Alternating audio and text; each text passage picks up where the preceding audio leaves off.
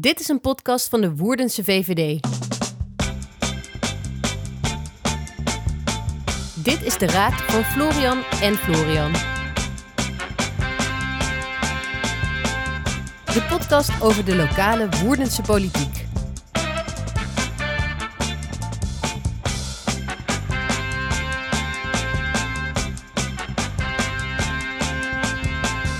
Met raadsleden Florian van Hout en Florian Bos.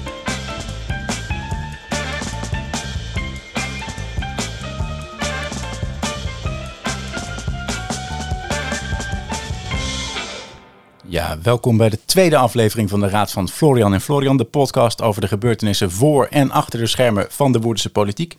En alweer de tweede aflevering, Florian. Leuk om er weer te zijn. Ja, Zeker. Leuk om het weer te doen. Mooi, gaan we er eh, we proberen een mooie aflevering van te maken.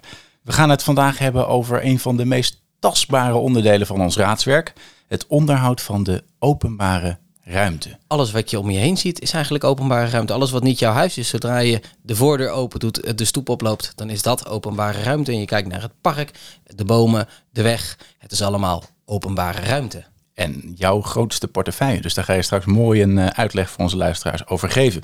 En ook de invloed van de afgelopen hectische Haagse weken. Er is nogal wat gebeurd. Uh, en we hebben beloofd, we gaan het niet al te veel over de, de, de politiek in Den Haag hebben, maar wel over wat dat doet uh, uh, en de invloed daarop als, voor ons als lokale VVD-raadsleden.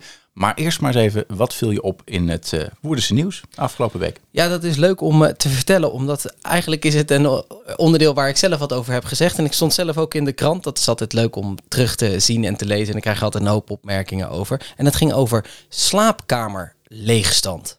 Uh, wat moet ik me daarbij voorstellen? Nou, er zijn een hoop slaapkamers die leeg staan. Dus uh, uh, vader en moeder krijgen kinderen, die wonen in het huis. En die worden op een gegeven moment groot. Die gaan uit huis, want ze gaan studeren of ja. op zichzelf wonen, et cetera. En in dat grote huis wonen nog steeds vader en moeder of soms uh, uh, overgrootvader, overgrootmoeder. En want opa en oma blijven dan heel lang in hetzelfde huis wonen. Nou, en die maken eigenlijk niet meer echt gebruik van die slaapkamers. Natuurlijk wordt er omgebouwd tot een uh, leuke hobbykamer of wat dan ook, maar er wordt niet meer in geslapen. En dat is eigenlijk zonde als je niet meer slaapt in je slaapkamer. En die slaapkamerleegstand, die zou eigenlijk opgevuld moeten worden, omdat het zonde is dat er dus huizen inefficiënt gebruikt worden. Want die oudere mensen, vaak zijn dat wat oudere mensen, kunnen ook in een appartement wonen uh, met wat minder ruimte, uh, vaak gelijkvloers, soms ook nog wel eens wat prettiger, zeker als je wat uh, ouder wordt. Ja. Maar daarmee creëer je wel mogelijkheid voor jonge gezinnen om door te stromen naar zo'n eensgezinswoning. Vaak vanuit een studentenkamer of, of, of een eerste appartementje dat, dat gehuurd wordt.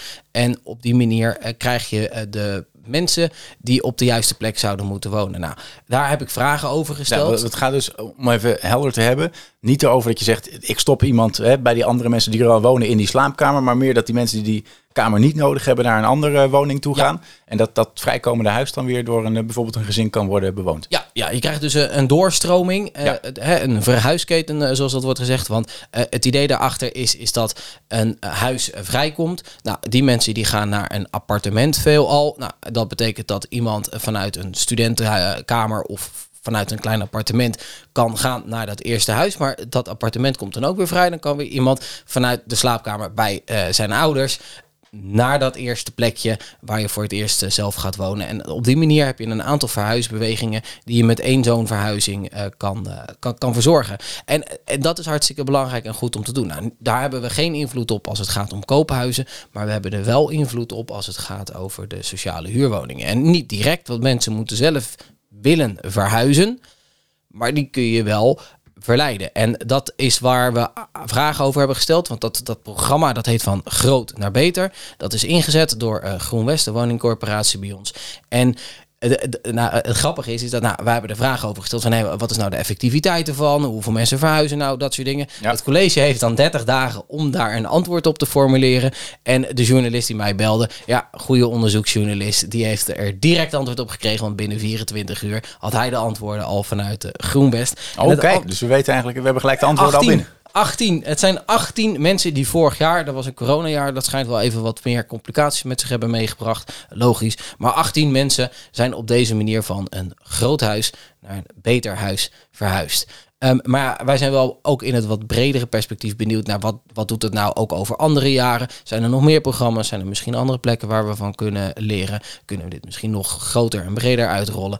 Uh, alles om er maar voor te zorgen dat zoveel mogelijk mensen in een, uh, op een mooie en een goede plek kunnen wonen. Mooi, dan gaan we die antwoorden denk ik gewoon afwachten. En in een volgende aflevering, uh, als ze er zijn, bespreken hoe we die doorstroming een beetje op gang kunnen brengen. Want dat is een van de belangrijkste dingen om ervoor te zorgen dat iedereen een uh, huis kan vinden in Woerden. Exact, dat is wel een van de belangrijke dingen die we doen. Want dan uh, is het, je moet een beetje leuk uh, wonen in Woerden, maar je moet ook leuke dingen kunnen doen in Woerden. Nou, dat gaat de laatste tijd niet zo gemakkelijk. Alles zit op slot. We mogen niet naar de meeste dingen. We kunnen nu wel weer naar winkels, maar straks kunnen we hopelijk ook weer naar terrassen bijvoorbeeld. Um, maar die ondernemers hebben het ondertussen erg moeilijk. Die hebben het absoluut moeilijk. Maar ik was wel heel erg blij om deze week in de krant te lezen dat de Woerdense ondernemers in de binnenstad en ook daarbuiten het wel volhouden. Dat er voorlopig nog geen enkel bedrijf lijkt te zijn dat gaat omvallen door, door corona. Met de hulp die er natuurlijk ook aan hen wordt, wordt gegeven. Het is wel heel moeilijk, maar ja, ze hebben enorm doorzettingsvermogen en blijven ook, ook volhouden. Dus daar ben ik echt wel trots op. Weet je hoeveel winkels er in Woerden zijn? Vertel. 197. 197. Ja. ja, dat is toch mooi dat als, we daar, als die allemaal de coronacrisis overleven. Want fantastisch zijn. Ja, ze maken wel met z'n, met z'n allen uh, onze, onze gemeente en zeker ook onze binnenstad, waar natuurlijk heel veel zitten. Ja, en het college gaf uh, ook, uh, ook aan dat ze nou, nogmaals hulp aanbieden aan ondernemers die in de knel komen. Dus ik was ook wel blij. We hebben eerder heb jij gevraagd of de terrassen groter konden worden. Ja, we hebben twee keer vragen over gesteld.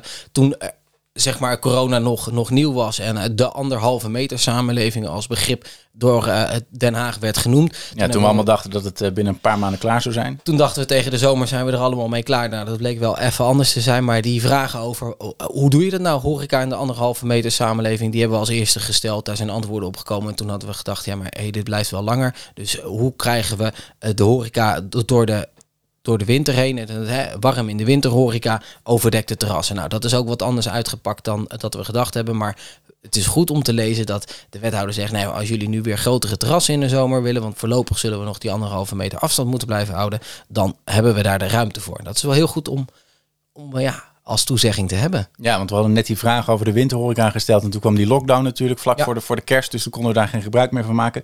Maar nu opnieuw het hulpbaanbod. En ik denk dat het goed is, want we moeten ervoor zorgen dat zodra die versoepelingen weer mogelijk zijn, ondernemers ook uh, gelijk van start uh, kunnen en alle ruimte krijgen om die schade in te halen. Want ze hadden het zelf in de krant volgens mij over uh, een groot feest dat het zou gaan worden. En ik denk dat we dat ook nou, groter dan groot in staat moeten stellen om dat te gaan vieren. 100% ja, de 67 horecagelegenheden en 26 hotels en bed and breakfasts. Ja, ik wist niet dat we er zoveel hadden in onze mooie gemeente. Allemaal ondernemerstalent, ja. Ja, die, ja, die moeten we inderdaad alle ruimte geven, precies wat je zegt. Waar ga jij als eerste heen als het weer kan? Ik, uh, ik, ik, zit graag in de pompier, dus ik denk dat daar op het terras uh, ik met menig, menig naar uh, een lekkere pilsje in de zon zal gaan drinken. Dat lijkt me een heel goed plan. Ik ga mee.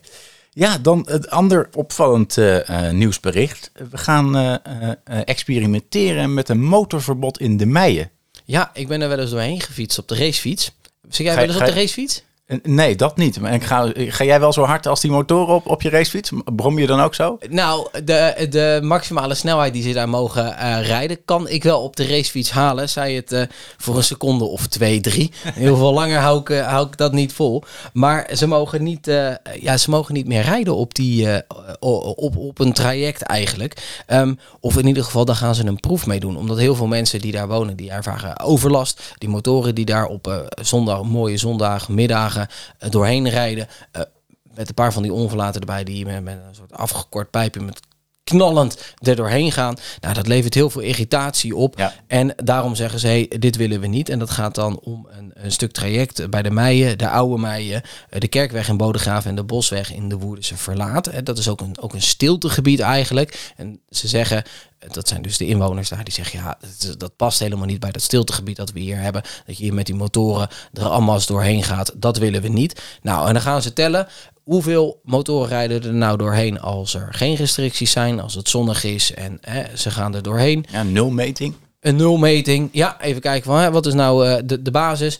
Wat gebeurt er als we de bordjes neerzetten dat je er niet uh, doorheen mag rijden? Want ongetwijfeld dat alsnog motorrijders denken van nou, ik heb dat bordje niet gezien hoor. Hè? En die rijden er alsnog doorheen. Dus hoeveel effect heeft het nou daadwerkelijk? En levert het nou ook uh, wat op? Um, En het is niet alleen maar Hosanna, want er zijn natuurlijk inwoners blij mee dat ze wat meer rust krijgen.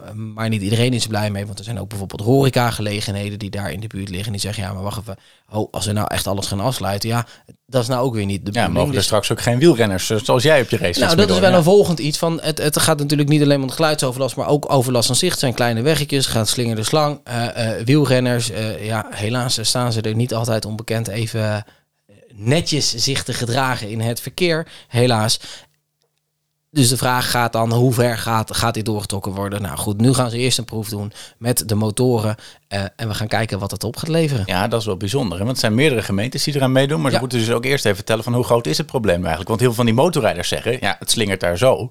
Dat je helemaal niet zo hard kan rijden daar. Nee, nee, nee, nee. Want je bent vaak met een grotere groep. Omdat je het leuk vindt om met een aantal mensen samen te, te rijden ja, je kan helemaal niet hard rijden. En dat wat ik net ook al zei, is dat het slingert en je hebt er helemaal geen goed zicht. De, de weg is smal. Eh, dus nee, het, als je daar vol zou opentrekken, dan gaat er eh, heel snel een ongeluk gebeuren. En dat wil je sowieso niet hebben.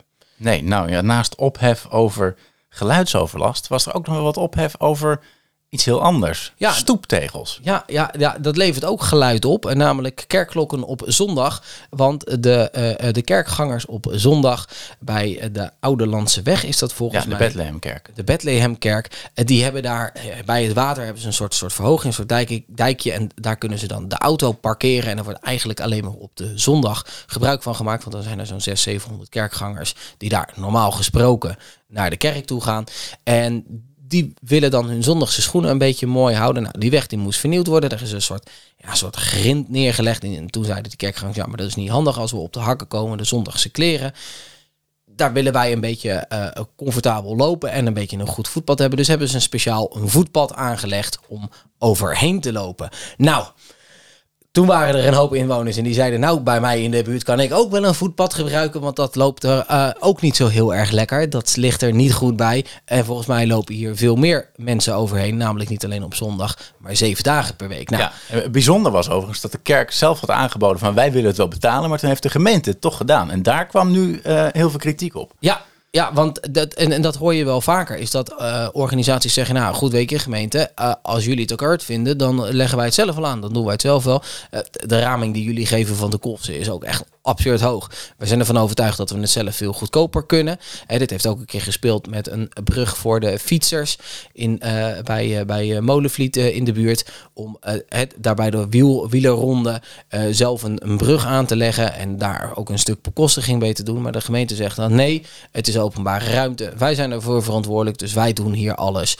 want wij leggen het aan, zijn wij verantwoordelijk en moeten wij het ook onderhouden ja, daar kan je best wel over uh, twisten. Zeggen van nee, zou je niet gewoon gebruik kunnen maken als iemand anders er wat wil uh, meedoen en dat dan inderdaad de gemeente het onderhoudt.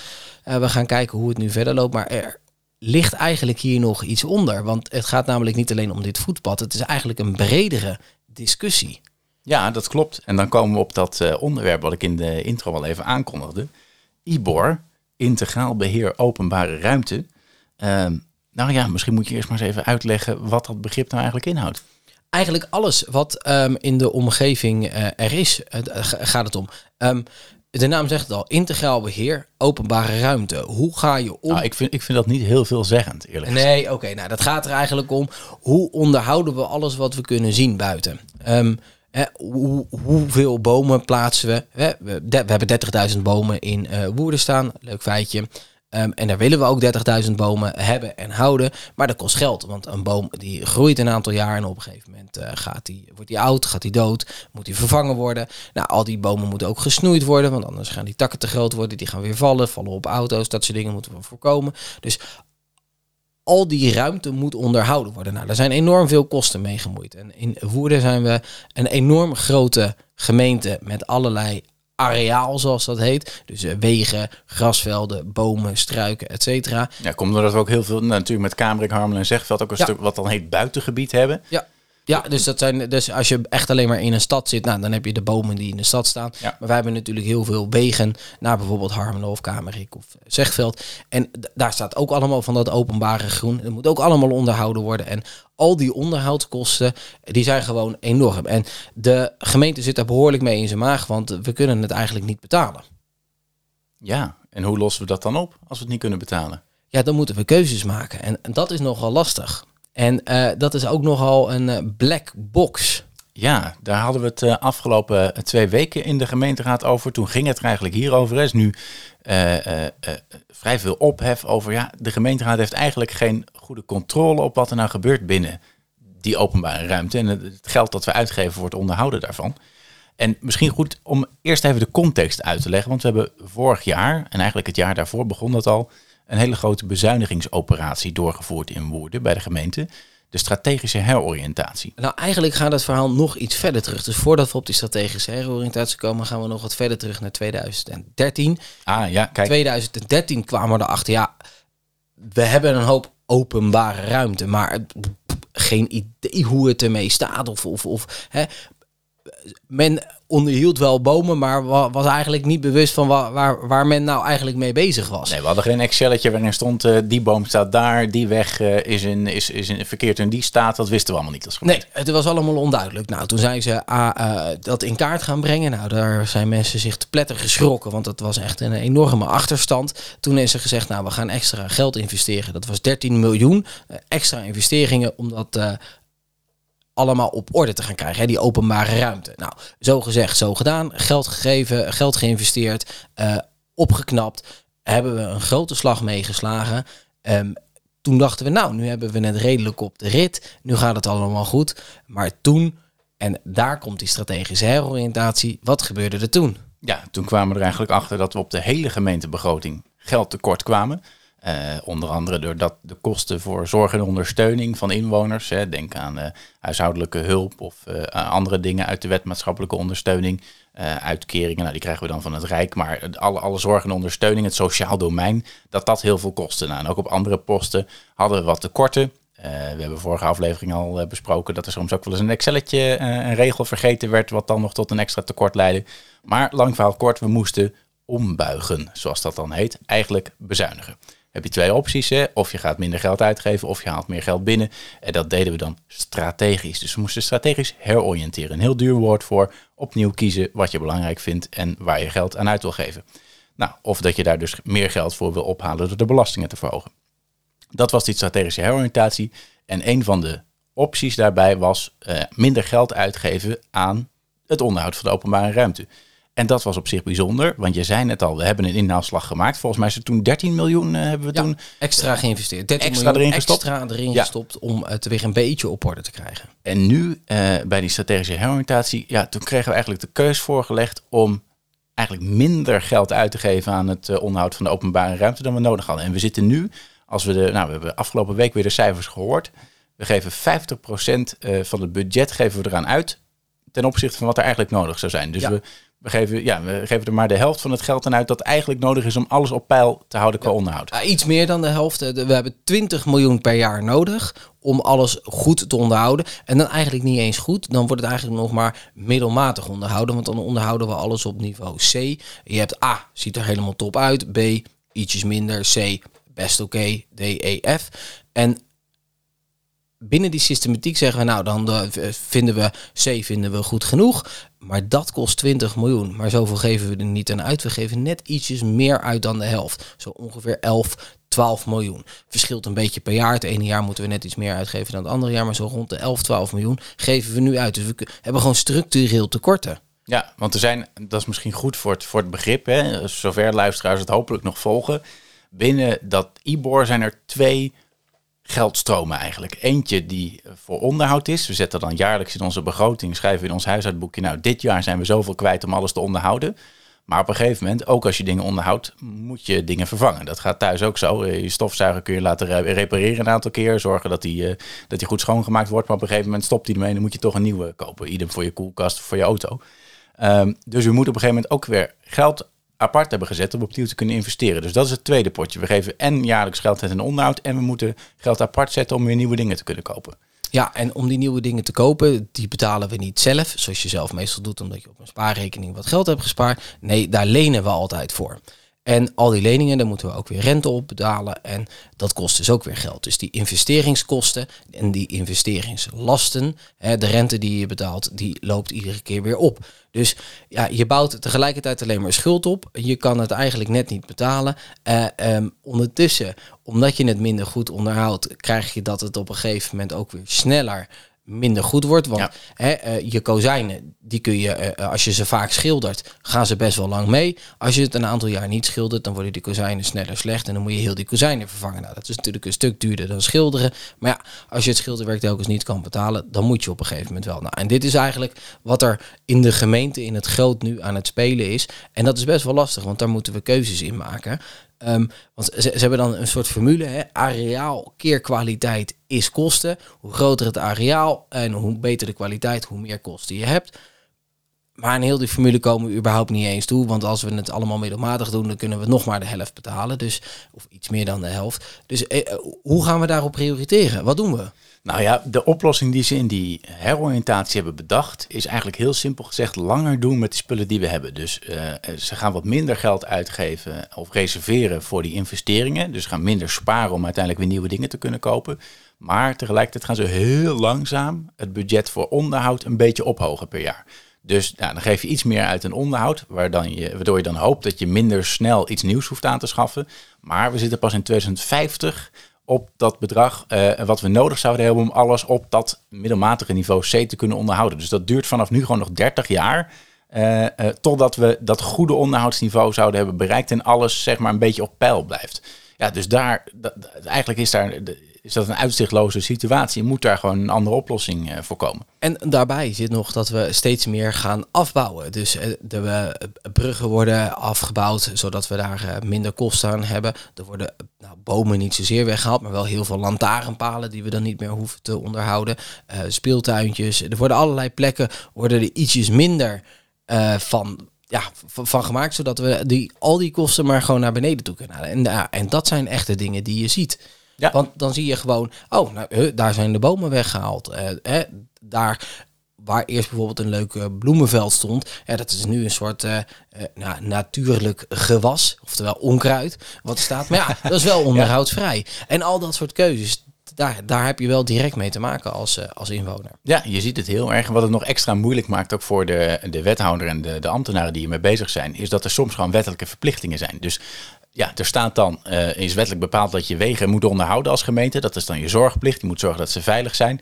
Uh, maar dan krijg je dus ook dat er uh, hele kleine weggetjes zijn waar bijna nooit iemand overheen rijdt. Bijvoorbeeld langs de, langs de snelweg, de parallelweg Oost. Ja, nou dat, dat wegdek is dan nu helemaal slecht, maar dan moet dan wel opnieuw vervangen worden. Ook al komt er bijna niemand, maar dat is dan wettelijk verplicht. Ja, en het, het, punt daarbij is, is dat er soms ook wel eens wordt gezegd, hey, dit wordt eigenlijk niet gebruikt. Bijvoorbeeld in, bij de Meijen in de buurt bij Zegveld. En dan werd er gezegd, nou, hier is bijvoorbeeld een brug, die wordt eigenlijk niet zoveel gebruikt. Verkeerskundig is die niet per se nodig.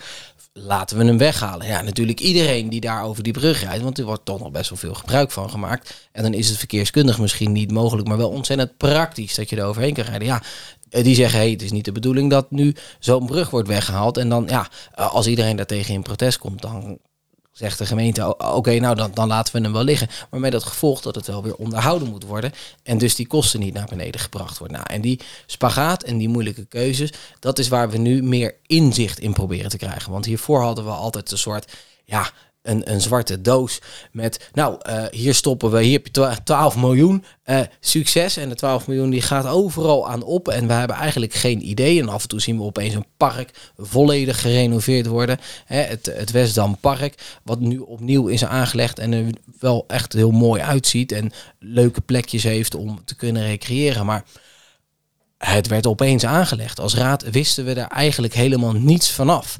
Nou, en dat is eigenlijk te bizar voor woorden. En um, we hebben dan ook een uh, voorstel gekregen, volgens mij, van iemand om uh, daar meer ja, kennis van te krijgen, uh, meer helderheid over te krijgen, meer duidelijkheid over te krijgen over hoe, hoe komen we eigenlijk tot keuzes, hoe, hoe werkt dat nou eigenlijk, hoe kunnen we zorgen dat de raad weet waar we het aan uitgeven en waarom. Ja, en dat brengt ons eh, bij onze volgende rubriek, die ik eerst maar even ga uitleggen. Want het is de eerste keer dat we hem doen. Want in de podcast heb je tot nu toe alleen ons gehoord, Florian en Florian. Maar in een raadsvergadering gaat dat natuurlijk wel anders. Er zijn verschillende partijen die vertellen wat ze vinden. Eh, maar soms worden wij zelfs tijdens ons uh, verhaal onderbroken door een raadslid van een andere partij. Met interruptie, een, voorzitter. Met een interruptie, precies. En het idee is dan dat je, zoals het zo mooi heet, een verduidelijkende vraag krijgt. Uh, of uh, een uh, korte opmerking wordt gemaakt. En dat lukt niet altijd. Maar onze collega's komen wel altijd met, met, met scherpe vragen. En die willen we ook onze luisteraars natuurlijk niet onthouden. En daarom gaan we vanaf nu iedere aflevering bellen met een collega raadslid van een andere partij. En dan geven we hem of haar de kans om ons te interrumperen. Maar ja, het is en blijft natuurlijk onze podcast, dus wij stellen de vragen. en ja, bij een nieuwe rubriek hoort ook een nieuw muziekje.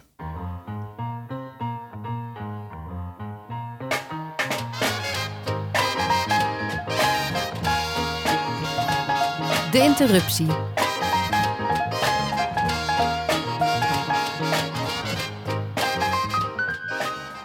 Uh, vandaag worden geïnterrupeerd door een van onze favoriete collega's. Uh, bij wie zijn functie zelfs lijkt te zijn vastgegroeid aan zijn naam. Want we kennen hem beter als raadslid Hollemans. En we hebben het natuurlijk over Marco Hollemans van het Christendemocratisch Appel. Marco, leuk dat je er bent.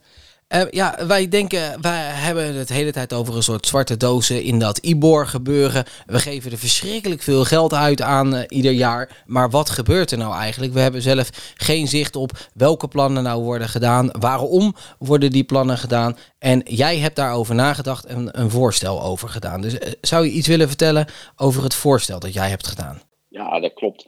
Je geeft terecht aan IBOR is, is een belangrijk onderwerp. Je zegt er gaat heel veel geld naartoe. Nou, dat mag natuurlijk ook. We praten over de openbare ruimte. En het is een van die domeinen van de gemeente waar gewoon iedere woerdenaar mee te maken heeft. Iedereen loopt, fietst, rijdt op straat. Uh, geniet van de bomen die er staan, van het groen. Dus het is echt voor iedereen het geld wat we daaraan uitgeven. Uh, waar we alleen tegenaan lopen, is dat we de verbinding tussen het geld wat we eraan uitgeven en wat we ermee doen, dat kunnen we als raad eigenlijk maar lastig maken. Uh, dat, dat stoorde ons al langer als CDA-fractie. En daarom zijn wij in 2018 eens begonnen na te denken van wat, wat, ja, hoe zou je dat anders kunnen doen. En dat heeft opgeleverd dat ik een uh, initiatiefvoorstel heb gemaakt. Wat is een initiatiefvoorstel? Wat, wat houdt dat in? Nou, de, de meeste voorstellen, uh, voordat de raad een besluit neemt, krijgt ze daarvoor een voorstel voorgelegd. Um, en daarin uh, staat beschreven van, nou, beste raad, wij stellen voor dat jullie dit besluit gaan nemen. En als de raad het dan mee eens is, dan zegt ze dat is akkoord en dan is het besluit genomen. En nu heb de jij meeste van die voorstellen gemaakt. worden gemaakt door het college van burgemeester en wethouders. Maar als raadslid heb je ook de mogelijkheid om gewoon zelf een voorstel te maken. En dat noemen wij een initiatiefvoorstel. En, dus dat is niet van het college afkomstig, maar van de raad zelf. Hoe gaat het dan, Marco? Als je dan uh, dat, dat moet verdedigen in de raad, moet jij dan ook uh, een uh, eigenlijk wethoudertje spelen? Ja, dan gaat het. Maar dat is wel een beetje de bedoeling. Kijk, normaal als er een collegevoorstel ligt, dan gaat de raad vragen stellen aan de betreffende wethouder. Van wethouder, leg nou eens uit, hoe zit dat nou? En waarom vindt u dit nou? en nu vraagt de, de collega-raadsleden vragen dat eigenlijk aan jou als raadslid. Ja, dus ik zou het geen wethoudertje spelen willen noemen. Maar je zit eigenlijk wel even op die stoel, dat klopt wel, ja. En waren er nog een hoop vragen die aan je gesteld zijn? Uh, ja, een aantal. Uh, had met name mee te maken. Kijk, ik heb zeker niet de illusie dat ik met dit uh, voorstel alle problemen die wij ervaren in één keer oplos. Uh, het voorstel kwam hierop neer dat ik zeg, joh, college, bij grotere projecten in de openbare ruimte leg die nu eerst gewoon voor aan de raad ter besluitvorming. Ik heb daar een grens op gesteld van uh, projecten die meer waarde hebben dan 1 miljoen euro of die langer duren dan zes maanden.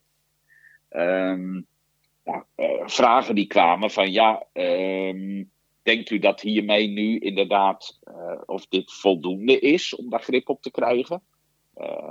nou, daarvan komt het antwoord ook wel nee zijn. Zeggen nee, ik denk dat er nog meer nodig is dat is ook de reden dat ik momenteel bezig ben om dat voorstel uit te breiden. Uh, op basis van de input die de collega's weer geleverd hebben. Uh, dus, dus dat waren met de, de vraag waren een beetje, ja, waarom die grens van 1 miljoen euro? Nou, ja, je moet ergens de lijn trekken. Uh, denkt u niet dat er nog meer mogelijkheden zijn om meer grip te krijgen? Dat denk ik zeker. Dus dat, in die hoek zaten een beetje de vragen die er kwamen. En je gaf net aan, normaal gesproken komt het college met voorstellen en dan hebben wij uh, commentaar op het college. Maar dit keer heeft het college ook commentaar geleverd op jouw voorstel. En uh, uh, wat zei het college en wat vond je er nou van? Nou, het college kort zei is dat ze zeiden, nou ja, we, waarderen, we waarderen het wel, maar um, eigenlijk willen we de bevoegdheid bij ons houden. Uh, ze zeiden, ook gezien de financiële situatie van de gemeente Woerden, uh, voorzien wij de komende tijd eigenlijk geen projecten met deze omvang. Ja, daar had je een mooie metafoor voor tijdens de, de raadsvergadering, Marco. Ja, dat, daar kun je verschillende varianten op verzinnen, maar die ik gebruikte was van, uh, ja, dat is een beetje, we staan in de file en daarom vinden we het niet nodig om een snelheidslimiet vast te stellen voor op de snelweg. Ja, precies. Maar ja, over een uur is de file opgelost, hopen we. En dan zou het inhouden dat we, dat we niks geregeld hebben. Ja, toen zei de wethouder, we moeten vooral de file oplossen. ja, dat klopt. Maar goed, dan moet je dus, als je die file, dat is zeker zijn taak. Maar vervolgens moet je dan ook wel zorgen dat je voor, voor daarna even wat goede spelregels hebt opgesteld met elkaar. Dus daar is dat voorstel voor bedoeld. Niet alleen maar voor nu, uh, maar juist uh, voor, de, uh, voor langere tijd, voor in de lengte der jaren. En hoe gaan we er nu, nu mee verder? Wat is de volgende stap? Nou, de volgende stap, die heb ik de laatste bijeenkomst ook nog weer even gedeeld met de collega's. Is op basis van de input die de collega's hebben geleverd, ga ik het voorstel toch wat uitbreiden. Door niet alleen maar te zeggen, nou, projecten boven de 1 miljoen euro moeten voorgelegd worden aan de raad. Maar door even een wat gestructureerder proces rondom uh, eigenlijk de jaarlijkse, wat wij noemen meerjaren onderhoudsplanning. Dat is eigenlijk de jaarlijkse planning van grotere investeringen die we doen op de openbare ruimte. Om dat echt in een, in een gestructureerd proces onder te brengen, waarbij op vaste momenten de raad betrokken wordt. Zodat wij beter weten. Misschien een beetje vergelijkbaar met, de, vergelijk met het proces wat we ieder jaar rondom wonen doen. Er komt een woonvisie, een jaarbrief wonen, die wordt besproken in de raad. En nu is wonen een gebied waarbij de gemeente de lijnen uitzet, maar niet zelf woningen bouwt. Zo ja, bij openbare ruimte, daar leggen we wel zelf de weg aan. Dus je hebt er als, als raad ook meer over te zeggen. Ja, zodat we beter weten welke plannen wanneer gaan komen en ook waarom uh, ze op welk moment worden uitgevoerd. Nou, en zelfs dat uh, de raad daar, maar goed, dat is aan de raad of ze dat uiteindelijk wil, gewoon besluiten over gaat nemen. Dat je denkt aan een structuur, de organisatie stelt jaarlijks die meerjarenplanning op. En dat die eigenlijk, noem het maar, ter goedkeuring wordt voorgelegd aan de raad. Kijk. Beste raad, dit is het plan wat wij hebben. Uh, bent u het daarmee eens? Nou, dat lijkt me hartstikke Kijk, goed. Dan, hebben, nou ja, dan voer je de discussie vooraf. En nu zie je dat we vaak de discussie achteraf voeren. Uh, aanleiding is ook uh, bijvoorbeeld wat er in Harmelen speelt. Uh, er zijn mensen wat teleurgesteld omdat het opknappen van hun straten naar achteren is geschoven. Nou, gaat de raad dan vragen over stellen? Op het moment dat wij vooraf met elkaar die planning vaststellen, ja, dan hoef je niet achteraf met elkaar discussies erover te voeren. Ik discussieer graag vooraf en niet achteraf. Dan kunnen we het ook beter uitleggen aan inwoners als er iets wordt uitgesteld of er iets misgaat. Ja, want uiteindelijk word je als raadslid erop aangesproken. Hè? Wij hebben allemaal onze ogen en oren in de samenleving. Mensen kennen ons. Wij wonen allemaal in Woerden. Dus ja, op een gegeven moment dat er iets gebeurt in de straat, dan komen ze meestal vragen van, joh, wat gebeurt er nou? Nou, wat we merken is dat we als raad toch vaak een beetje een informatieachterstand hebben. En we het ook niet precies weten. Nou, door die informatievoorziening naar voren te trekken, ben je wel beter op de hoogte. Kijk, er speelt continu zoveel. Je kunt echt niet van iedere lantaarnpaal weten wat daar de actuele status van is. En dat hoeft ook niet. Uh, dat kunnen mensen ook uitstekend zelf uh, navragen bij de gemeente. Hebben tegenwoordig allemaal mooie elektronische voorzieningen voor uh, via de website en alles. Maar de black box wordt een beetje opengebroken. En die duidelijkheid, die hebben we hard nodig als uh, raad. Maar ook als raad richting uh, alle inwoners om gewoon te vertellen... Hey, wat wordt nou waar, wanneer gedaan en waarom. Zodat we alle vragen vooraf kunnen behandelen. En niet achteraf allerlei dingen moeten beantwoorden waar we geen weet van, van hebben. Ja, of in ieder geval uh, zelf nooit een besluit over genomen hebben. Helder. Het, het maakt het dus. Nee, hartstikke ja, goed. Ik hoop, ik hoop het zo een beetje verduidelijkt uh, te hebben. Nou, Zeker, Marco. Me. Ik ben, ben, altijd kort van stof. Dus ja. ik hoop dat, dat de podcast niet te veel uitloopt. Zeker niet. Het leuk om even wat tijd te vullen daarin. We, we ruimen graag ruimte voor je in, Marco. Dankjewel en heel fijn weekend. Hey, hetzelfde, veel succes nog. Dankjewel. Goed weekend. Hey. Hi. Ja, en van wat er eigenlijk lokaal allemaal speelt, uh, gaan we naar wat er landelijk speelt. Want deze podcast gaat voornamelijk over lokale politiek, maar de lokale politiek wordt ernstig beïnvloed over wat er in Den Haag wordt eh, gezegd, besloten, gedaan en zich afspeelt. En er is nogal behoorlijk wat geweest dat zich heeft afgespeeld in Den Haag. Zeker de afgelopen week, want we zitten natuurlijk midden in de, de formatie van een nieuw kabinet, of eigenlijk meer het opnieuw opstarten van die formatie. Uh, want ja, op 1 april uh, was er nogal een heftig debat in de Tweede Kamer. Tot in de vroege uurtjes van 2 april. Ja, Goede ik, Vrijdag. Ik weet het nog goed, want ik was op dat moment thuis. En ik had een, uh, een vrije dag, tenminste. Ik was met Feline. En toevallig zat ik even op Facebook en kwam ik een post tegen over het debat. Ik denk, ja, in de middag, ik, ik ga wel even luisteren. Ik klik dat debat aan. En vervolgens ben ik gewoon in dat debat meegezogen en heb ik het eigenlijk niet meer losgelaten. Ja, totdat ik s'avonds andere dingen moest gaan doen. Ja, terwijl hadden s'avonds zelf gewoon een uh, bijeenkomst met de gemeenteraad. Maar daarna na tien uur ben ik ook weer gaan kijken. En tot, uh, tot kwart over drie s'nachts uh, ben ik blijven hangen. Nee, ik ben niet tot kwart over drie s'nachts blijven hangen. Want ik moest toch ergens ook slapen. En ja, je moest nog werken weer, de ja, volgende de volgende dag weer werken. Dus ik ben wel om twaalf uur afgehaakt. Maar nee, ik, ik, ik, ja, ik, ik heb het niet opzij kunnen leggen. Ik, ik werd erin meegezogen en het begon natuurlijk met Mark. Die uh, ging vertellen over wat uh, zijn visie was en die werd achter elkaar geïnterrumpeerd. Het was een heftig debat. Ja, zeker. Want misschien voor de luisteraars die het, ja, ik weet niet eens of het zou kunnen, maar niet hebben meegekregen. Wat was er aan de hand? Mark Rutte, de uh, fractievoorzitter, partijleider van de VVD, had tegen de NOS gezegd, uh, nadat de notitie van uh, de formatiebesprekingen was uitgelekt, doordat uh, minister van Binnenlandse Zaken Kasia Ollongren op het Binnenhof werd gefotografeerd met dat documentje waarop stond Pieter Omtzigt, functie elders. Pieter Omtzigt, het kritische Kamerlid van het CDA, dat onder andere de toeslagenaffaire aan het licht heeft gebracht. Ja, en toen zei Mark Rutte tegen de NOS, ja, ik heb het niet over Pieter Omtzigt gehad. En toen bleek uiteindelijk, doordat nou, de verslagen van die gesprekken uh, boven tafel kwamen, dat die naam Pieter Omtzigt toch uh, gevallen was. Dat tot de aantekeningen van de verkenners uh, aan, aan, toe. en daar ging eigenlijk dat hele debat over. Ja, heeft Mark Rutte nou de waarheid gesproken of niet? Het is een beetje als de Amerikaanse president die zei: I did not have sexual relationships with that woman. Ja. En daar, Bill Clinton. Bill Clinton. En daar bleek hij later dus op terug te moeten komen, omdat hij dat wel had gehad. Nou, en de, de, de parlementsleden, of de parlementsleden, ja, de Kamerleden, ja. de Kamerleden, uh, die, die, die, hadden eigenlijk zo'nzelfde iets van, nee, Mark Rutte, je hebt hier nu wel iets gezegd, maar dat was helemaal niet zo, want het blijkt heel anders. En nou ja, op dat moment zei hij iets wat hij al eerder heeft gezegd. Ja, dat hij er geen herinnering meer aan had. Nou, en dat vonden mensen heel moeilijk om te geloven. Want hij heeft het al een aantal keer eerder genoemd. Ja, ik, ik, ik wist het op dat moment niet. Ik heb er geen actieve herinnering aan. Nou, dat is een soort meme geworden. Er is zelfs een kaartspel gemaakt waarbij je de actieve herinnering nooit hebt. Waarbij je dus online memory moet doen. Uh, maar ja, je krijgt de memory plaatjes nooit uh, goed, want het is Mark Rutte's memory.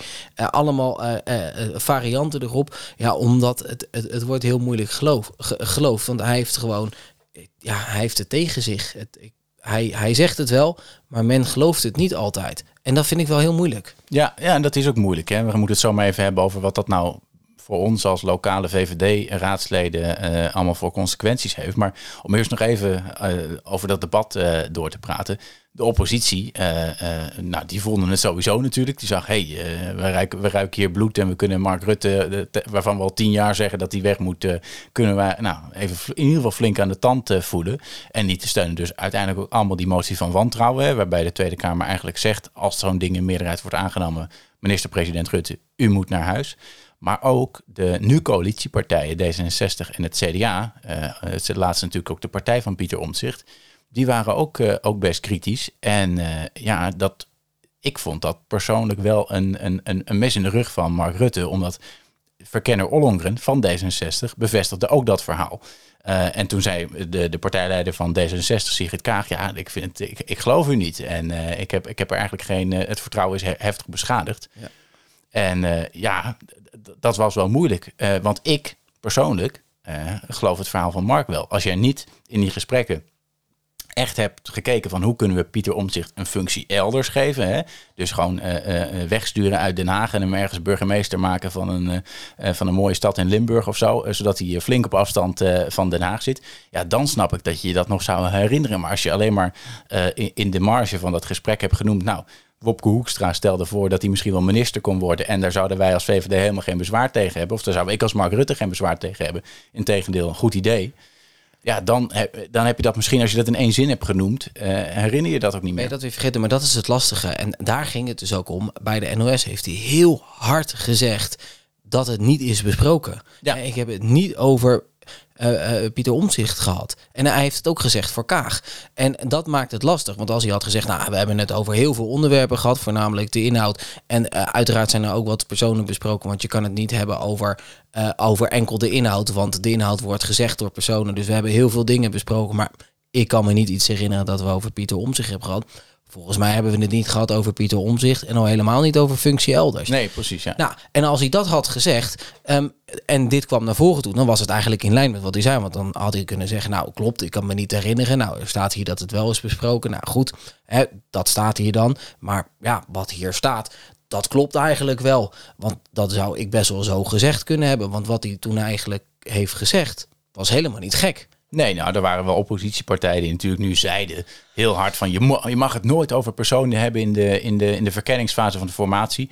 Uh, en, en, dat klopt. Hè. Kijk, het is uit den boze om in de onderhandelingen over een kabinet te zeggen: we gaan niet doen met een lastig Kamerlid. Want dat, dat hoort gewoon niet in een formatie. Je hebt, je hebt sowieso niks te vinden van Kamerleden. Dat kunnen alleen Kamerleden zelf. Die zijn eigenlijk ja, het hoogste uh, orgaan in Nederland. Dus daar moet je gewoon niks over zeggen. Maar het ging nu over, nou, misschien omdat Pieter Omtzigt zoveel kritiek en terechte kritiek had op het systeem, laat hem dan misschien ook met die goede ideeën het kabinet ingaan om dingen, dingen op te lossen. Dus in die zin was dat helemaal geen rare opmerking geweest. Nee, want als minister heb je juist directe invloed op zo'n departement. Dan kun je juist alle ambtenaren aansturen en zeggen hoe het beter moet, anders moet, nieuwe regels, beleid al dat soort acties ondernemen om juist te zorgen dat waar je de hele tijd commentaar op hebt gehad en terecht commentaar hebt gehad, dat dat verbeterd kan worden. Eigenlijk word je veel beter nog in positie gebracht om er wat aan, aan te doen. Dus als zoiets de revue passeert, zo gek is dat niet. Nee, en het ging natuurlijk over het aanbod. Hè? Als Pieter Omzicht wil, dan zouden wij er geen bezwaar tegen hebben dat hij minister wordt. Want je kunt natuurlijk ook niet zeggen van wij maken een minister, want dan is hij weg uit de Kamer en hebben we geen last meer van hem. En Mark Rutte zei ook volgens mij in het debat, ik heb heel goed met Pieter Omtzigt samengewerkt. We waren het niet altijd eens, maar ja, het is een geweldig goed, uh, goed Kamerlid. En dat vond ik wel jammer in dat debat. Zeker, nou, op een gegeven moment uh, zaten we al tegen één uur s'nachts, maar iedereen bleef ook naar de uitleg van de verkenners, Kajo Ollongren en Annemarie Jorrits, maar eigenlijk ja, bleven ze vasthouden aan dat frame. Mark Rutte heeft gelogen en het is uh, de zoveelste keer, dus hij moet, uh, moet weg. En ik had het wel netjes gevonden van D66 en, en, en in mindere mate ook wat CDA. Eh, als ze dat ook hadden erkend van, hey, die verkenners en Mark Rutte komen alle drie met hetzelfde verhaal. En daar zit misschien wel wat in. Alleen ze roken natuurlijk allemaal. Ik de, in mijn ogen voor D66 van oké, nou we hebben Mark Rutte nu heel dicht bij, bij de springplank. Uh, en uh, dan duwen we hem nu misschien ook maar een beetje van het randje af. En dan niet heel hard met die motie van wantrouwen, maar wel de motie van afkeuring tegen een ander Kamerlid. Wat op zich ook heel raar is, dat je een motie als Kamerleden aanneemt uh, tegen of over eigenlijk het handelen van een ander Kamerlid, die allemaal gelijkwaardig zijn. Ja, en, en het, wat het is, is dat het zijn allemaal een beetje. Het voelde voor mij alsof het allemaal haaien waren. Hongerige haaien in een iets te klein aquarium. En, en, en dat er dan iemand kwam en die, en die had een koe in stukken gezaagd en, en, hè, en, en dat werd ervoor gehouden. Want, want iedereen die wil op die prooi af. En Mark Rutte was ook een beetje een prooi. Ja, er vielen een paar druppeltjes bloed vielen er eindelijk in dat en, water. En iedereen die begon wild te zwemmen en die dachten, ja, nu kunnen we. En hij is natuurlijk al tien jaar lang de man die Nederland leidt. tien jaar lang heeft hij uit verschillende crises op verschillende manieren, in verschillende coalities, op allerlei onmogelijke manieren um, toch wel het land geleid. Nou, en mensen willen hem van die positie af. Misschien omdat ze zelf een positie ambiëren. Misschien omdat ze gewoon uh, Mark Rutte zat zijn of uh, een nieuw bewind willen. Maar in ieder geval hebben ze daar Mark Rutte volop aangevallen. En ik denk ook wel harder dan misschien wel nodig was. Maar dat komt door die hongerige haaien ja, dat hongerige haaieninstinct. Ja, dat zeiden dus ook veel mensen. Dat ze eigenlijk na die uitleg uh, misschien ook wat gas terug hadden moeten nemen. Dat niet hadden gedaan omdat ze puur zagen van nou ja, nu, nu hebben we eindelijk een kans om, uh, want ook die motie van afkeuring is, me, die is met een ruime meerderheid aangenomen, de motie van wantrouwen bijna, uh, om, nu, om nu door te pakken. Maar goed, laten we niet al te veel het debat nog nabespreken, want er zijn heel veel andere goede, misschien wel betere podcasts over die dat doen. Maar het is voor ons als lokale VVD-raadsleden, we zijn natuurlijk lid van de VVD, dus ja, wij worden ook aangesproken op zoiets. En wij zitten hier wel natuurlijk uit te leggen waarom wij denken dat, dat, dat, dat Mark geloofwaardig is. Maar er zijn ook heel veel mensen die het daar niet mee eens zijn. Die spreken ons daar dan toch op aan. Ja, er worden behoorlijk wat opmerkingen naar, uh, uh, naar je hoofd geslingerd. Dat is dan vooral wat meer van een afstand en op sociale media. Maar ook op persoonlijke manier. heel veel mensen vragen er nog naar. Maar wat mij wel opviel, is dat heel veel mensen die zeggen... ik heb er wel heel veel moeite mee om hem te geloven. Want hij heeft gewoon de schijn tegen zich maar tegelijkertijd geloof ik Mark Rutte ook wel. En nog belangrijker, ja, het, het, is niet goed dat hij dat heeft gedaan. Misschien is het gewoon heel onhandig gezegd. Maar ja, aan de andere kant, hij wordt nu wel heel hard aangevallen op, op iets wat relatief klein is. Um, en nou, dat maakte dat best wel veel mensen ook dachten: hé, hey, maar wacht even, uh, we gaan nu wel heel hard op iemand aanvallen. Terwijl die dat niet helemaal verdiend heeft. Terwijl die ook nog heel veel goede dingen heeft gedaan. En ook best wel veel um, nou, mooie dingen heeft weten te bereiken. En dat wat, was eigenlijk een soort tegenbeweging die tegelijkertijd ontstond. En uh, voor mij was de hashtag ook Paul achter Rutte. Ja. He, die was op een gegeven moment ook trending op, uh, uh, op Twitter. Zo zie je dat dus ook mensen daar ook wel nou ja, met wat meer afstand. Dat was niet op het moment zelf, maar hè, één, twee dagen daarna, drie dagen daarna. Dat mensen toen, als ze wat meer op afstand kwamen te staan van het hele gebeuren, er, er toch weer, ook weer anders naar gingen kijken. En je ziet dat dat nu ook wel weer iets rustiger wordt. Nou, en dat geldt ook voor de mensen die nou, bijvoorbeeld mij daarop hebben aangesproken. En hebben gezegd, ja, ja, ja, uh, iedereen wou het ook gewoon even bespreken. Dat is het ook gewoon. Het was gewoon het gespreksonderwerp. Iedereen moest het eventjes kwijt met elkaar, omdat het zo'n groot ding was. En iedereen wou het gewoon even bespreken. En, nu het uh, van het hart is, denk ik dat we ook wel weer door kunnen. Ja, dat zal nog wel wat uh, tijd gaan kosten. Maar het is natuurlijk wel belangrijk dat we zo snel mogelijk weer een missionair in functie kabinet hebben die, die ons land uit de coronacrisis kan halen en daarna weer problemen kan aanpakken. En ja, de, politieke partijen in Den Haag zullen daar waarschijnlijk nog wel even in, in, blijven hangen. Hè? Want dat is dan de, de Haagse kaastop. En dat, dat, dat, ja, daar gaan er wel een paar weken overheen tot dat vertrouwen hersteld is, denk ik. Wel, maar het gaat ook snel hoor. Want dingen zitten toch in een snelkookpan daar. Dus het gaat echt wel heel hard. En ik gok, nou eigenlijk, dat is wat ik denk, dat men ook wel weer heel snel doorgaat. Omdat men ook wel weet, hé, hey, uh, we moeten hier nu iets. We hebben een enorme crisis die we moeten oplossen. Die lossen we niet op door heel lang met elkaar hierbij stil te blijven staan en in te blijven hangen. Maar we moeten door. En dat betekent dat we daar gewoon een keuze in moeten maken. En dan moeten we zeggen, nou, of we gaan de ene kant op en we zeggen, we gaan niet meer met Mark Rutte samenwerken. Sommige partijen proberen dat ook uit te lokken. Ja. En uh, anderen zeggen, nou, we gaan wel uh, snel door. En de gesprekken die nu met uh, Cenk, uh, Cenk Willing... Cenk, Cenk. De Cenk, Cenk. Cenk de tank. Ja, het is de tank, de bulldozer. Wel, denk ik, de juiste nou, man hele, deze hele, hele delicate bulldozer dan. Maar, ja, het is wel een delicate bulldozer, maar het is wel een tank. Het is de zoveelste keer dat hij die, dat hij die formatie doet. Volgens mij zat hij de eerste keer ergens in de jaren zeventig uh, uh, als notulist bij de eerste formatie. Dus hij heeft er wel ervaring mee. Maar het was ook opvallend dat hij inderdaad zei... Ja, het gaat om een bestuurscultuur dat een groter probleem is. Er komt niet alleen, wordt er niet alleen gedragen door, door Mark Rutte. Al, al riep hij gisteren geloof ik in de pers ook... dat daar, daaruit niet afgeleid kon worden dat er al vertrouwen was. Want dat was het tweede onderdeel van zijn opdracht. Maar goed, dat gaan we allemaal, allemaal afwachten. Maar ik denk ook dat het heel goed zou zijn als eh, D66 en het CDA ook zich bedenken uh, dat het land inderdaad geregeerd moet worden. En dat, er heel, dat heel belangrijk is dat we weer zo snel mogelijk een, uh, een kabinet krijgen.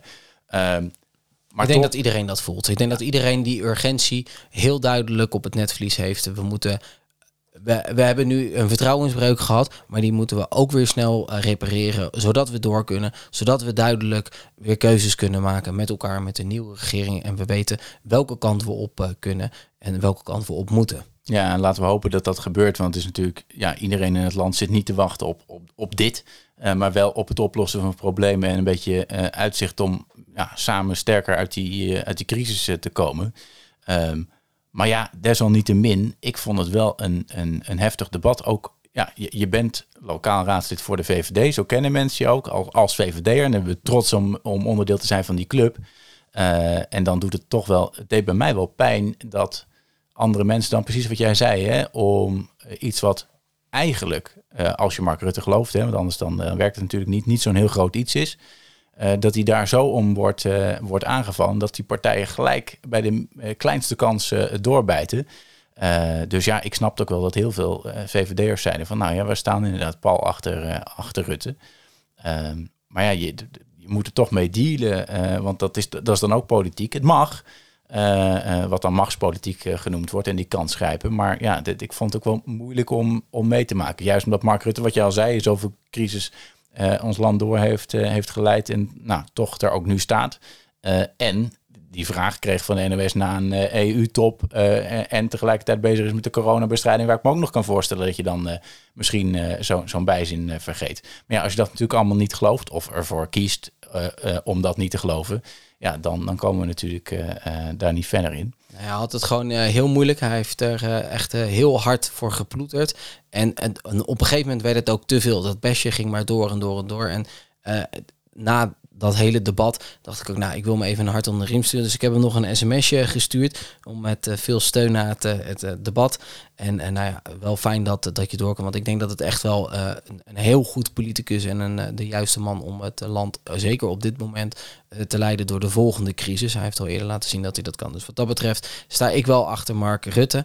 En heb ik hem een sms'je gestuurd. En het leuke is, hij sms'te ook nog. Ja, hij sms'te al wat snel terug. ja, dat, doet, dat deed hij erg. en dat vond ik erg leuk. Nou ja, en terecht denk ik, daar, daar sluit ik me natuurlijk bij aan. En misschien dat luisteraars nu denken, ja, dat zijn twee van die VVD'ers die dat hier natuurlijk zitten te vertellen. En logisch dat ze achter Mark Rutte staan. Maar ik denk ook in een breder perspectief dat er bij andere partijen, en dat zag je ook wel de, afgelopen week na het debat in de media, veel mensen zijn die zeggen, ja, het gaat inderdaad niet alleen om Rutte. En uh, nou, herstel dat zogenaamd uh, beschaamde vertrouwen, maar ga vooral weer aan de slag met het oplossen van, van problemen. en pak inderdaad die bestuurscultuur aan. Want het feit dat die toeslagenaffaire kon plaatsvinden, uh, ja, dat dossier is ook nog lang niet afgerond. Natuurlijk moeten die problemen aangepakt worden. En daar heeft Mark Rutte ook als, als leider van de VVD van gezegd. Daar hebben wij ook ideeën over. En we willen juist uh, uh, daar ook dat gesprek over voeren. Dus nou, ik denk dat we misschien als laatste puntje nog even kunnen behandelen. Van ja, we krijgen natuurlijk vaker als lokale VVD'ers te maken met kritiek. of soms ja, gewoon alleen opmerkingen over het feit dat wij ook VVD'ers zijn. Ja, bijvoorbeeld. Hè. Uh, maar wij zijn natuurlijk van, van de Woerdense VVD en, en lokaal raadsleden. We zitten hier in de gemeenteraad van Woerden om, om Woerden uh, mooier te maken. Maar ja, dan zijn er toch ook wel eens mensen die zeggen... oh ja, maar jij zit bij de VVD en dan vind ik landelijk een hele slechte partij... dus dan ben jij ook slecht. Maar maak je dat wel eens mee? Ja, zeker weten. Dat mensen zeggen, hey, oh, ben jij van de VVD? Ja, maar dat zijn uh, dit, dat, ze zo. Zakkenvullers wordt wel eens vaak gezegd. Dat ik denk, ja, alle mensen die in de politiek zitten... zijn per definitie geen zakkenvullers, want... Het is heel hard werken voor vaak eh, niet eens zo heel veel geld. En mensen denken ook, maar je krijgt best wel een riante vergoeding. Jazeker, die vergoeding is echt niet is echt niet slecht. Uh, ook niet voor Tweede Kamerleden.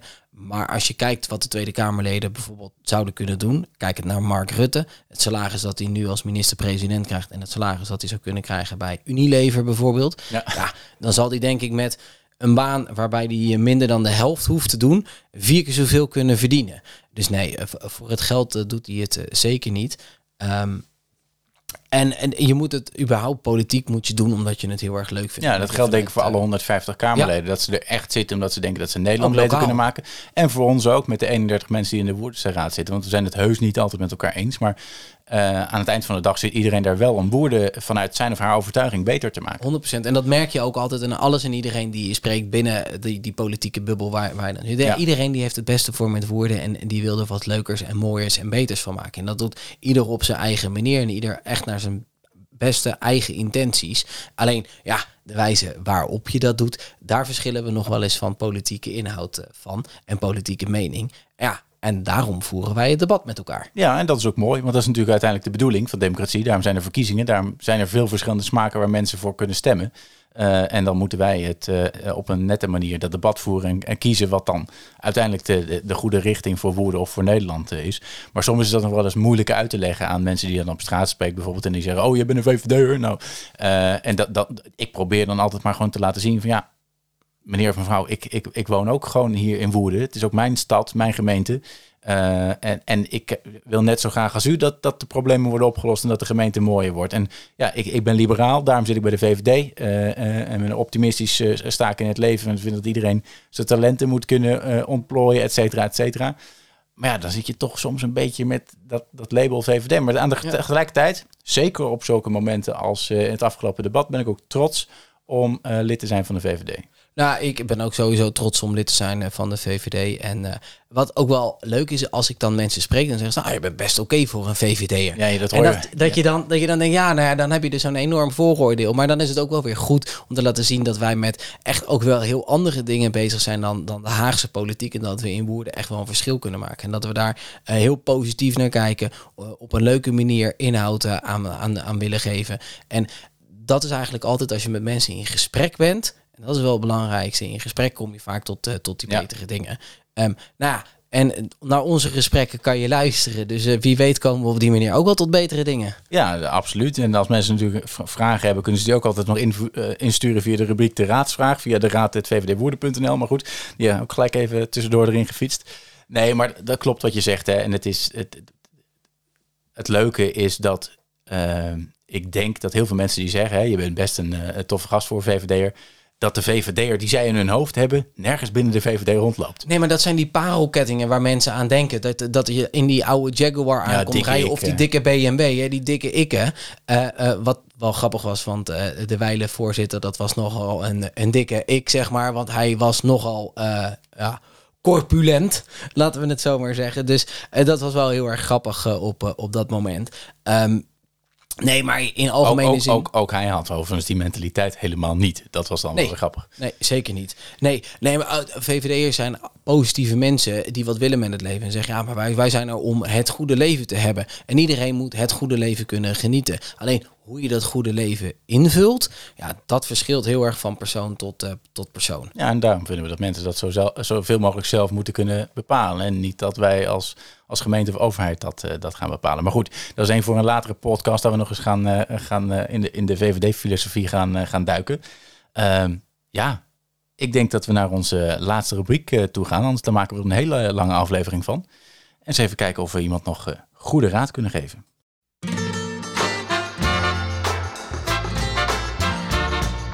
De Goede Raad.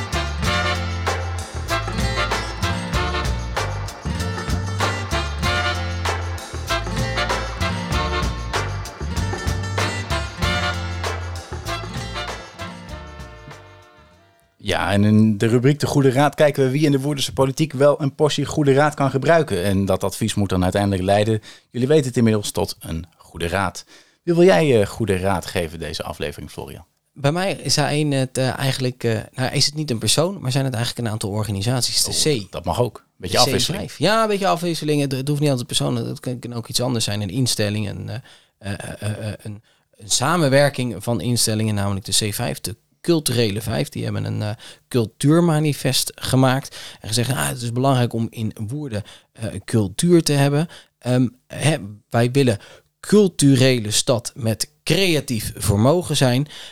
Alleen, ja, waar kan je die, dat creatieve vermogen tot uiting laten komen? Er was gezegd, eh, we willen op de Defensie-eiland een hotspot hebben, een creatieve plek waar mensen samen kunnen komen. Maar dat is er nooit gekomen. Dat zijn twee restaurants geworden. En hoewel die restaurants zeker culinaire creatieve invulling geven aan hetgene wat ze serveren, is dat denk ik niet wat deze culturele instelling voor ogen hadden. Um, maar de goede raad die ik ze wil meegeven is: kijk eens goed in woorden naar mogelijke plekken waar je zo'n creatieve hotspot zou kunnen creëren. Hmm, een cryptisch, uh, het is een cryptische raad. Zeker, zeker. Um, misschien ben jij een stuk concreter. Uh, zeker. Ik, uh, althans, de, de, de, creatief is vaak niet, hoeft niet altijd concreet te zijn. Hè? Dat is een beetje artistieke vrijheid. Nee, maar mijn goede raad is, is wel wat concreter. Die, die gaat naar wethouder Becht, de wethouder van de binnenstad. En mijn advies zou zijn om ondernemers zoveel mogelijk ruimte te geven uh, en, en, te zorgen dat alles echt qua voorbereidingen en, en, en, versoepelingen in de startblokken staat als die maatregelen straks versoepeld kunnen worden. Zodat de terrassen, hè, we hadden het er al over, dat die uh, lekker uitgebreid kunnen worden en dat uh, voor, voor de rest het mogelijk is voor alle woordenaren om weer naar onze lokale ondernemers te gaan, naar winkels, naar terrassen, et cetera, et cetera. Ehm, het vaccineren gaat nu misschien nog wat langzamer dan we zouden willen. maar het komt wel echt dichterbij, dat moment. zien we ook aan de testevenementen natuurlijk deze week. Ehm, dus ja, ik zou echt zorgen dat iedereen zoveel mogelijk uh, de schade kan inhalen. En dat de gemeente ja, zoveel mogelijk ruimte biedt, coulant is uh, richting onze ondernemers. Zodat we samen sterker uit die uh, crisis komen. En zorgen dat onze lokale economie ook helemaal lekker draaien blijft. Alleen, wat is er eigenlijk gebeurd met de goede raad van Florian en Florian van de vorige keer? Want in de vorige aflevering hebben wij goede raad gegeven, goede raad aan wethouders. Ja. Ehm, heeft wethouder de recht jouw goede raad een beetje opgevolgd? Ja, dat ging er toen natuurlijk over uh, dat de aanslagen, de gecorrigeerde OCB-aanslagen, half april op de mat zouden liggen. Ja, en nu we deze opnemen is het zaterdag 10 april. Dus nog geen half april. Dus volgens mij liggen ze er nog niet. Dus die houden we nog in spanning voor de volgende aflevering. Ik hou mijn brievenbus in de gaten om te zien of uh, de envelop... Ja, je weet het nog. Dat hebben we volgens mij in de vorige aflevering niet besproken. Wel in onze testaflevering die we gemaakt hebben. Bij jou komen ze niet in je brievenbus, maar in je, in je digitale Mijn Overheid. Dus ja, die moet je checken. Ja, die moet ik checken. Nou, dan moet ik die wel echt uh, gaan checken nu. Want dat heb ik nog steeds niet gedaan. Dus uh, dat is wel... nou, Actiepuntje. En, en jouw raad ging volgens mij de wethouder De Weger. Ja, klopt. Om te luisteren naar inwoners over uh, hoe gaat het nou, hoe gaan we om met energie? Waar moeten windmolens komen? Waar moeten zonnepanelen komen? Hoe gaan we daarmee om? Wat gaan we met z'n allen bedenken?